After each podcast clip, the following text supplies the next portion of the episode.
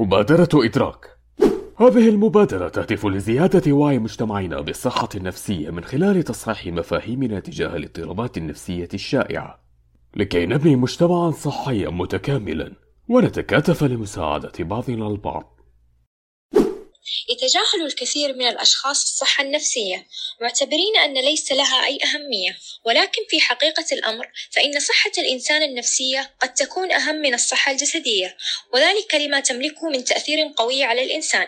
معاكم وفاء عبد العزيز الشدادي طالبة طب وجراحة من جامعة أم القرى.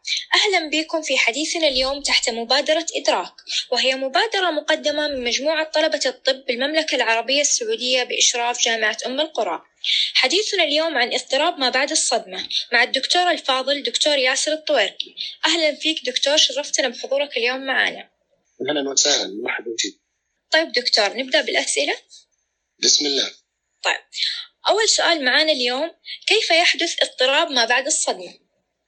طيب آه، بسم الله الرحمن الرحيم. آه، يحدث اضطراب ما بعد الصدمة آه، بعد حدوث ضغوط أو صدمات قوية أو ضاغطة بدرجة عالية آه، ويتعرض فيها الشخص إما آه، إما للأذى الجسدي المباشر ولا شك بوجود أذى نفسي طبعا فيدخل في حالة من الرعب وخطر يهدد حياة الشخص. فجميع هذه الضغوطات اللي هي يسمونها آه، يعني فوق العادة لأنه آه، عشان تتضح الصورة إحنا نعرف ضغوط الحياة نقدر نقسمها إلى ثلاث درجات. الضغوط ال- البسيطة هذه اللي ما يتأثر منها أي شخص. يعني مثلا آه، واحد يعني مر هو يسوق في السيارة مر من عنده واحد مثلا وميل عليه شوي مثلا أو سب أو شتم مثلا. هذا ضغط لكنه بسيط ما, ما منه تأثير كبير. آه، الضغوط بعد كذا الضغوط الحياتية اللي هي بدرجة أعلى مثل الطلاق مثل الانفصال مثل فقد العمل مثل آه، الخلافات آه، الأسرية الخلافات العائلية آه، الترمل فقد عزيز. هذه الضغوط تعتبر يعني أعلى درجة. ما نتحدث عنه في هذا الاضطراب وكيف يحدث وهذا هو السؤال الأول. يحدث عندما تكون الضغوط آه، عالية الشدة سواء ضغوط يعني نتيجة كوارث طبيعية لا دخل الإنسان فيها أو آه، أشياء قد يتدخل الإنسان فيها. آه، مثال على الأولى مثلا الفيضانات الشديدة الزلازل البراكين الأعاصير. الحرائق وإحنا بعيد عن الحريق ال- هو الانفجار الذي حدث في لبنان هذا أحد ال- أحد المسببات. آه، أو قد يكون آه، الإنسان يتدخل في مثل حوادث السيارات مثل تهديد بالقتل أو قتل مجموعة من الأشخاص والآخرين موجودين مثلا. فهنا يعتبر أمر ضاغط على الشخص فيبدأ يتفاعل الشخص يتفاعل نفسيا وسلوكيا. نعم. طيب دكتور ما هي الأعراض التي تظهر على المصاب بهذا النوع من الاضطراب النفسي؟ آه، شوف ال- الأعراض يعني آه، ممكن نقسمها حتى تكون الصورة سهلة وواضحة. ممكن حتى الواحد يحفظها. آه، إلى ثلاث مجموعات آه، رئيسية ويندرج تحت كل مجموعة مجموعة من الأعراض.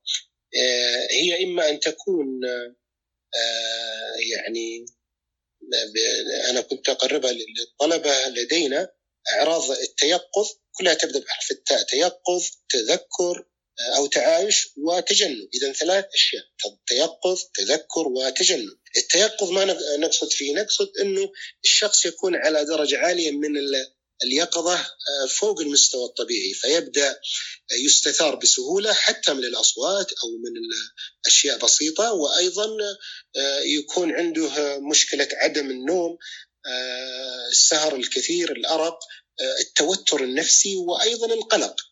فهذه كلها تندرج تحت آه، يعني آه، التيقظ. لو قلنا ال- ال- الأعراض الأخرى والمجموعة الثانية اللي هي التذكر وهنا نقصد بها استرجاع ما حدث آه، بصورة أو بأخرى عن طريق الشخص يسترجع الأحداث الصادمة التي حدثت سواء حدث واحد أو أكثر من حدث.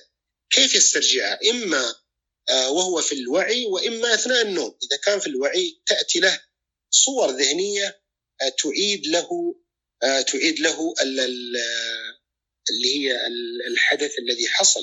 وهذه ما تسمى بالفلاش باك. أو الخيالات اللي هي آه، فكريا تكون فكرية أكثر شيء أو تكون صور ذهنية يعني تأتي ليس بالضرورة كامل الحدث لأنه غالبا ما يستطيع التذكر يعني هو إذا الشخص أراد أن يتذكر كامل الأحداث ما يستطيع إنما تأتيه ضاغطة يسمونها انتروزف يعني آه، لا إرادية تبدأ آه، تفرض نفسها على إدراك وعلى تفكير الشخص. آه، أو حتى تأتي في النوم على طريقة أحلام وكوابيس مزعجة ومخيفة. هذه سبحان الله هي نوع من إن صح التعبير التكيف على ما حدث. يعني نوع من التفريغ أو نوع من النفس البشرية تتفاعل مع الأحداث بطرق عجيبة. وهذا من كمال خلق الله سبحانه وتعالى. الله يقسم بالنفس البشرية يقول ونفس وما سواها. نحن نتعامل هنا على أنها أعراض مرضية ولكن هي في نفس الوقت آه، وإذا لم تكن بهذه الطريقة لربما كانت المشكلة النفسية أكبر. آه، الإعراض المجموعة الأخرى التجنبية يبدأ يتجنب الشخص يبدأ يتجنب الشخص الأماكن آه، أو المواقف التي حدثت فيها هذه الأحداث مثلا لو حدث حريق مثلا في غابة مثلا عندنا الآن نسمع حتى في أمريكا آه، سنويا في شهر الصيف تأتيهم حرائق يعني مشهورة حرائق كاليفورنيا واعاصير فلوريدا وغيرها. يبدأ لو مر بغابة وباشجار مشابهة يبدأ يتجنب أو يتجنب نفس المكان. لو حدث مثلا حادث في شارع معين وقتل مثلا أو مات أو أصيب إصابات بالغة يبدأ هو الشخص يتجنب. طبعا لو مات أحد معه أو هو نفسه فلو مات أحد معه يبدأ هو يتجنب الشارع هذا. بل ربما يتجنب السواقة إذا كان هو السواق. آه يدخل تحت آه هذه هذه يعني طبعا باختصار يتجنب المواقف أو الأحداث أو الأماكن.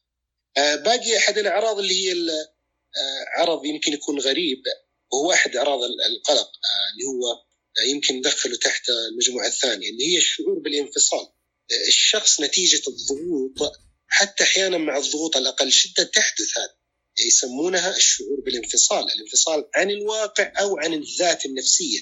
يعني الشخص لا يشعر بنفسه لا يشعر إنه هو موجود. أو لا يشعر بأن البيئة حوله موجودة. وهذه من الأعراض اللي هي مزعجة ومخيفة جدا. إذا لم يتنبه لها الشخص يبدأ إيش؟ آه، يضخم الموضوع. وهذه تفيدنا يعني في العلاج. عندما نبدأ نعالج الشخص بالعلاج النفسي نبدأ آه، نتلمس الأفكار وعدم تضخيمها. فهنا يشعر بأنه في انفصال عن النفس أو عن الواقع أو عن المحيط. سبحان الله هذا نتيجة طبعا آه، الضغوط الصادمة. نعم. طيب دكتور كيف يتم تشخيص المريض في هذه الحالة؟ التشخيص طبعا أهم ثلاث حاجات اللي هي وجود الحدث الضاغط الشديد هذا وجود الأعراض اللي قلناها من كل مجموعة على الأقل عرض واحد. وأيضا لابد من استمرار هذه الإعراض الشهر فأكثر وهي في الغالب من شهر إلى ستة شهور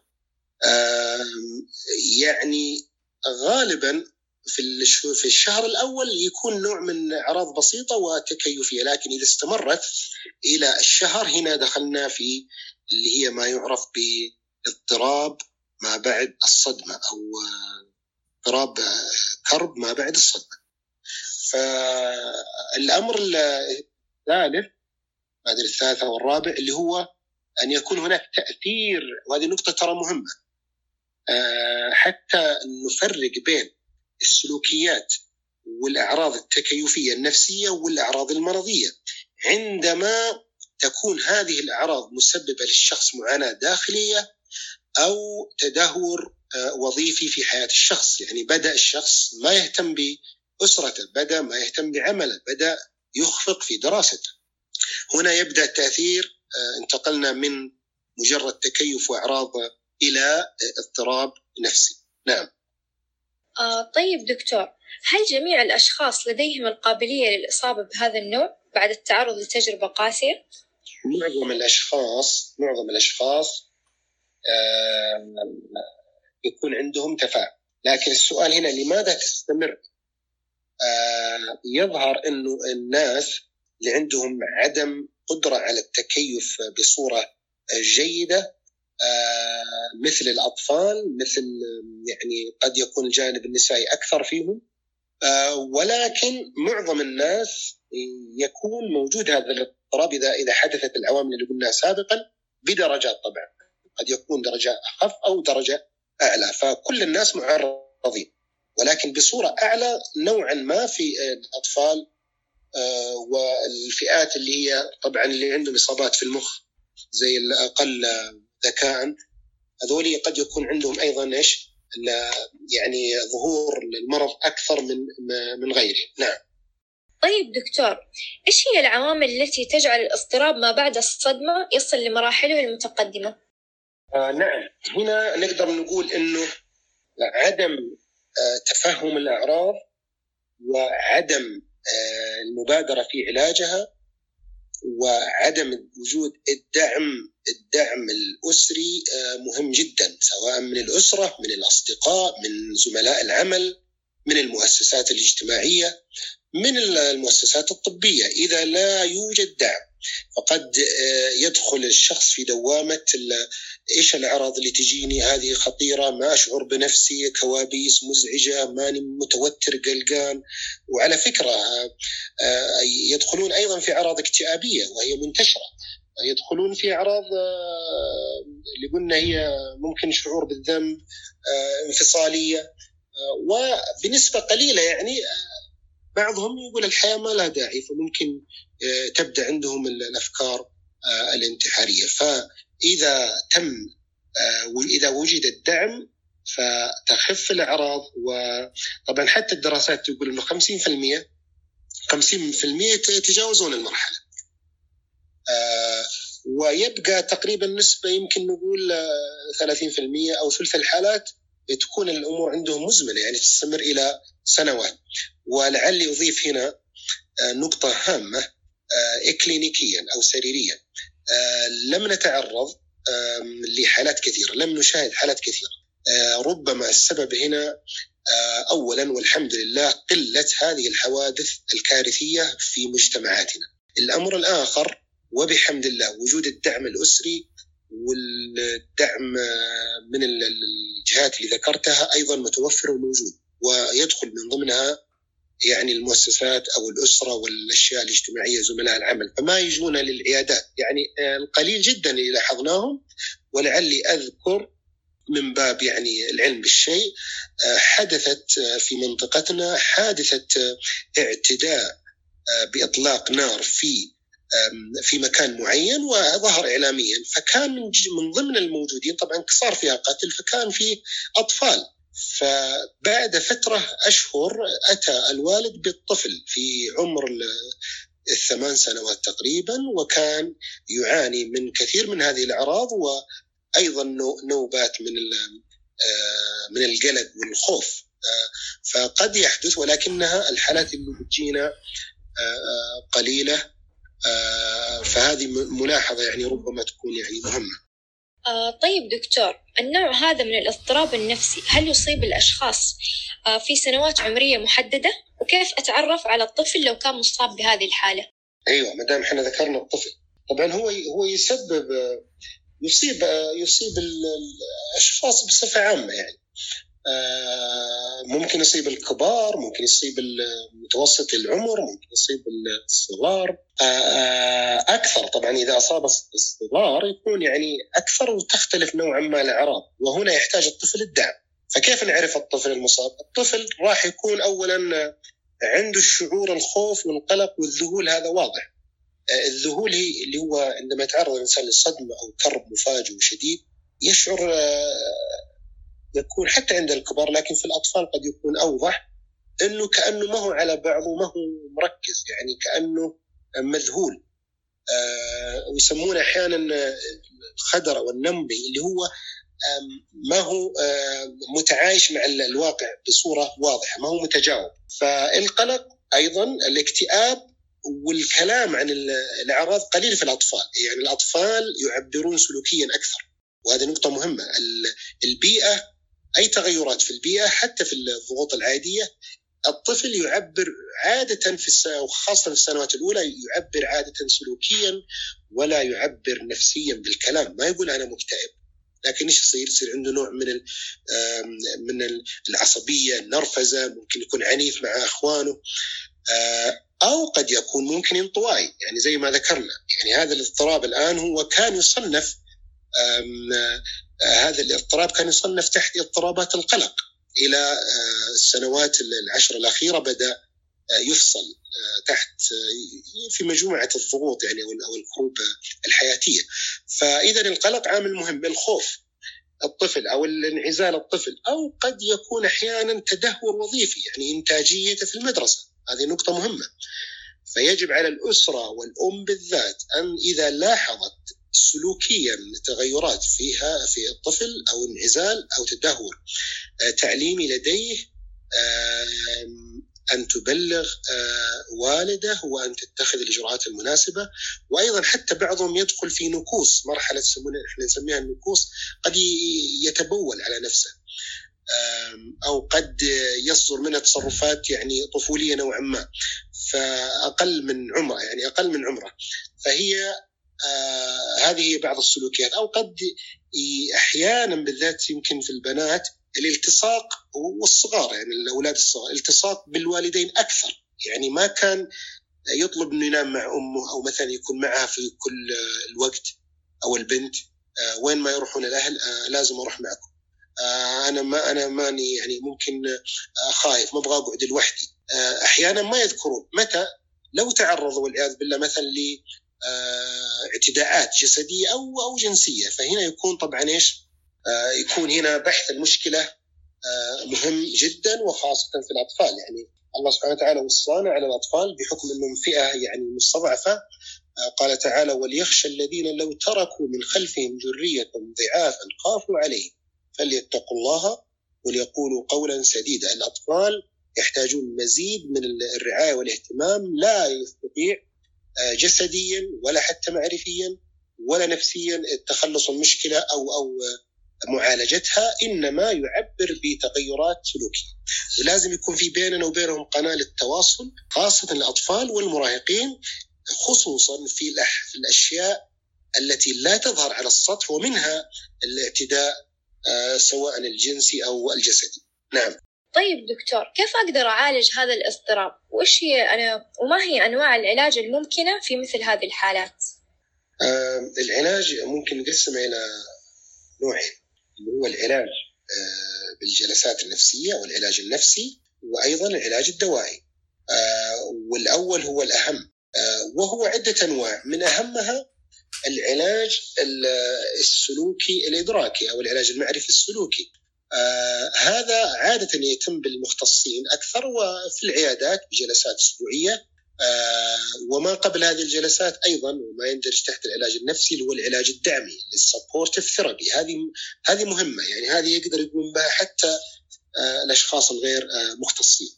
نوع من السماع للشخص التفريغ التطمين المساعدة في إيجاد الحلول اشعاره بالأمن والاحتواء واعطائه الشعور بالعاطفة وهلم جرى خصوصا في الأطفال. آه، فالعلاج المعرفي والإدراكي باختصار آه، اللي هو عمل الجلسات. آه، من أهمها سلوكيا هي تعريض الشخص لهذه المواقف الصادمة.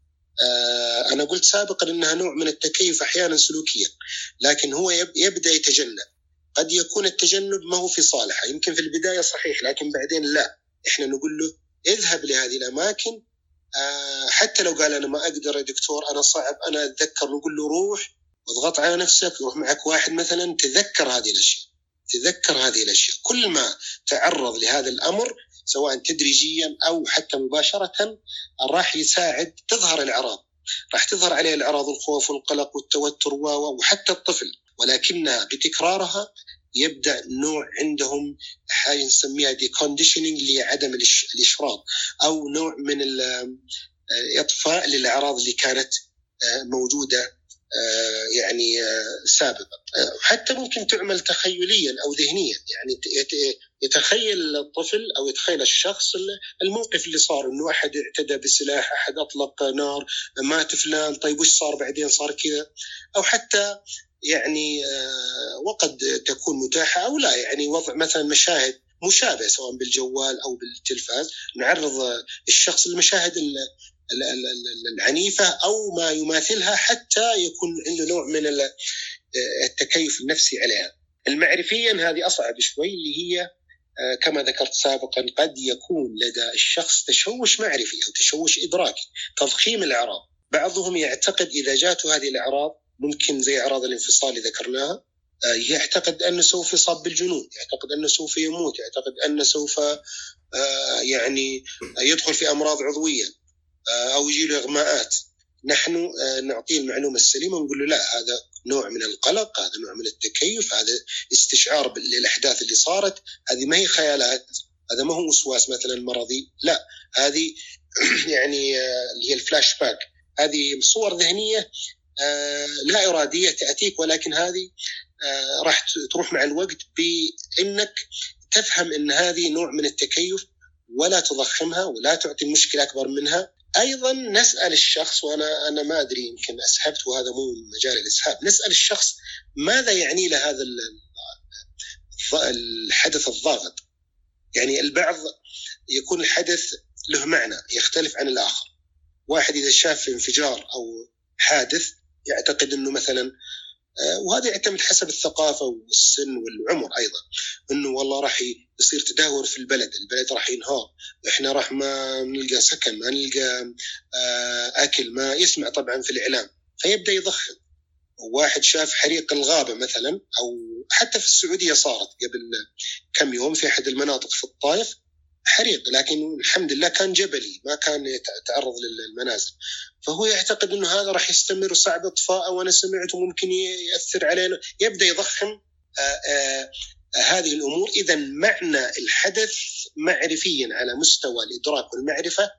إذا وجدنا عنده نوع من التشوش الذهني أو الأفكار المغلوطة نبدأ في تعديلها آه، أول شيء إظهارها وتدوينها ثم تعديلها بمناقشة الشخص حولها. الطريقة الأخرى وهي طريقة سهلة يعني لاستخدام بعض الأدوية ومن أفضل الأدوية هي الموجودة اللي هي مضادات الاكتئاب من النوع مانعات امتصاص السيروتونين واي واحد ممكن منها يعني يفيد وما في منه خطورة أو إدمان وحتى في كبار السن يمكن يكون أو لا في الأطفال اللي هم من تحت ثمان سنوات عادة ما نستخدم اللي هو ما نستخدم العلاجات هذه. آه، ولكن المقصود إنه هي أقل يعني آه، أقل أهمية من ناحية العلاج من العلاج السلوكي أو العلاج المعرفي وهذا يؤكد لنا إنه نحن كأطباء لسنا مولعين بإعطاء الأدوية إنما الدواء يعطى عند الحاجة ولفترة محددة، ليش أنا قلت كذا؟ لأنه آه، هناك تخوف من الأدوية النفسية وأضرارها وخطورتها. آه، كل دواء سواء نفسي أو غير نفسي له أعراض جانبية، ولكن متى أستخدم الدواء إذا كان فائدته تغلب على آه، الأعراض الجانبية ولفترة محددة. فهنا ممكن إعطائهم نوعية من هذه الأدوية لفترة معينة وخاصة الأدوية اللي تسبب نوع من الهدوء اللي هي تفيد في القلق زي الباروكزيتين وأنواع هذا العلاج آه، أو المهدئات الأكثر زي اللي هي الريميرون أو الميرزاجين قد تكون يعني تهدئ الأعراض هذه أكثر لفترة معينة يعني آه، بضعة شهور ويتوقف آه، يتوقف العلاج بعدها. نعم. طيب دكتور، يكون دور الأهل والأصدقاء في هذه الحالة؟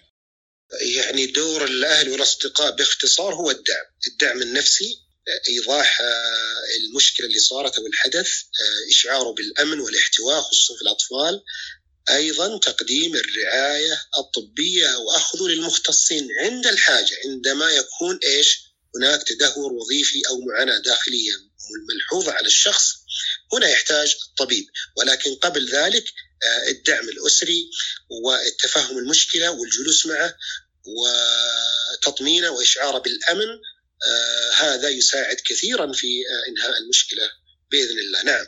آه كيف يعرف المصاب إنه تغلب على هذا النوع من الاضطراب وأصبح إنسان طبيعي؟ آه يعني لا شك إنه آه الشخص هنا ليس شخص ذهاني بحيث إنه لا يستبصر بالمرض، لا هو شخص الشخص عصابي يعني لديه الحكم على الأمور والاستبصار انه عنده مشكلة اعراض قلق اكتئاب وخوف. فهو إذا شعر بذهاب هذه الأعراض وتناقصها تدريجيا من الأشياء اللي قلناها سواء الصور الذهنية أو القلق أو الاكتئاب أو الانفصال أو أعراض التجنبية هنا سوف يكون هذه من إحدى أو بوادر الشفاء والتغلب على هذه المشكلة. وأنا زي ما ذكرت أنه يعني وبحمد الله وإن كانت موجودة هناك في في الغرب أكثر يعني أكثر بنسبة تصل إلى إن لم تخن الذاكرة 7 6% 7% حدوثا وهذه نسبة عالية. نحن لا نحن ممكن أقل من الواحد في المية بكثير. يعني عندنا الفصام واحد في المية. نحن نرى حالات فصام أكثر.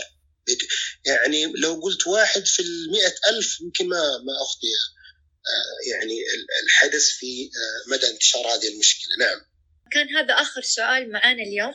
في حاب دكتور في شيء حاب تقوله أو نصيحة تقدمها؟ والله أول شيء في ختام هذا اللقاء أحب أن أشكر الله سبحانه وتعالى. أولا ثم أشكر الأخوة القائمين على مثل هذه البرامج التوعوية ولقد سرني كثيرا وجود هذا التجمع في مبادرة إدراك وما والموقع التجمع هذا اللي طلبتنا وأحبابنا وأبنائنا وإخوتنا طلبة الطب الذكور والإناث ويصب وبلا شك في إذكاء وتعزيز المعرفة الطبية السليمة سواء لهذا المجتمع أو حتى للمجتمع بصفة عامة. وهذا الذي عرفته أنها مثل هذه اللقاءات معي ومع غيري من زملائنا الأطباء سوف يكون لها تأثير بإذن الله إيجابي على المدى القريب أو البعيد فأقول شكرا لكم وشكرا للأخت مقدمة اللقاء ومن نسقت اللقاء وأسأل الله سبحانه وتعالى أن يوفقنا وإياكم لما يحبه ويرضاه وواصلوا هذا المشوار ونحن إن شاء الله معكم قلبا وقالبا مجرد تنسيق وبإذن الله سبحانه وتعالى راح نصل إلى يعني مستوى عالي ومهنية أعلى لطلبة للأمور الطبية والنفسية على حد سواء. ولا أنسى أني أذكركم أن الأمور الطبية والأمراض من أهم العلوم. يعني العلم بها من أهم العلوم كما ذكر الإمام الشافعي عندما قال يعني من أنبل العلوم. بعد علم الشريعة هو علم الطب فهو علم نبيل ولذلك لا يجتهد ولا يضحي فيه إلا النبلاء. أمثالكم أسأل الله سبحانه وتعالى أن يوفقنا وإياكم لما يحبه ويرضاه. وصلى الله وسلم وبارك على نبينا محمد.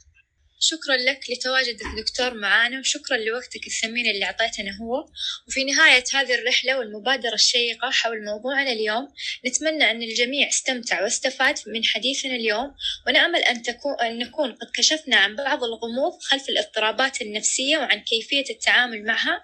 كانت معكم وفاء الشدادي والدكتور الفاضل دكتور ياسر الطويركي. والسلام عليكم ورحمة الله وبركاته.